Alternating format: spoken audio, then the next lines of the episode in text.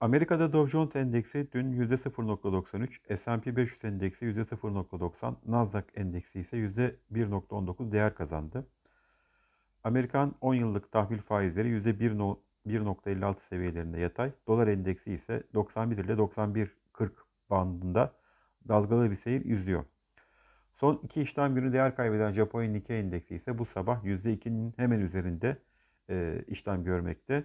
E, burada bir tepki yükselişi gerçekleştirmekte olduğunu görüyoruz Japonya'nın. Yurt dışı piyasalarda bugün Avrupa Merkez Bankası toplantısı takip edilecek.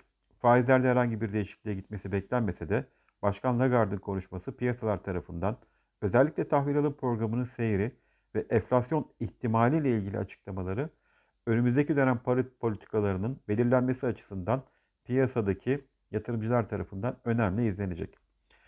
Amerika'da haftalık işsizlik başvuruları ve ikinci el konut satışları verileri de bugün açıklanacak olan veriler.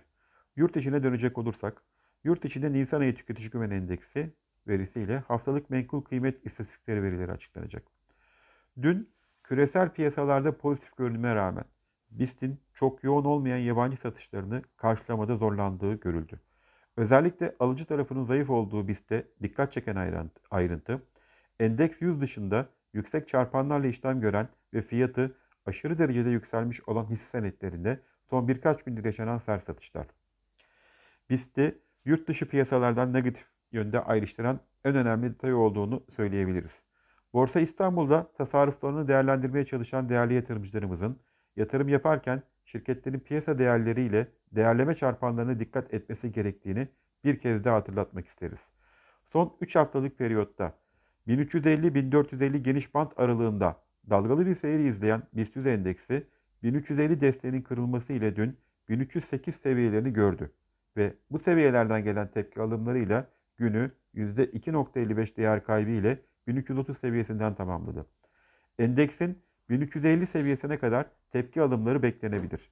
Mevcut seviyenin geçilip geçilmemesi önümüzdeki günler için piyasaların seyri açısından önemli olacaktır. 1350 seviyesinin geçilememesi ve direnç konumuna dönüşmesi durumunda yeni geniş band aralığının teknik olarak 1250-1350 seviyeleri arasında oluşma ihtimali artabilir. Geçilmesi durumunda ise 1310-1400 yeni gen, yeni geniş band aralığımız olacaktır. Beklentimiz de e, bu yöndedir. 200 günlük hareketli ortalama seviyesinin bulunduğu 1316 seviyesi de önemli bir destek seviyesi olarak izliyor olacağız.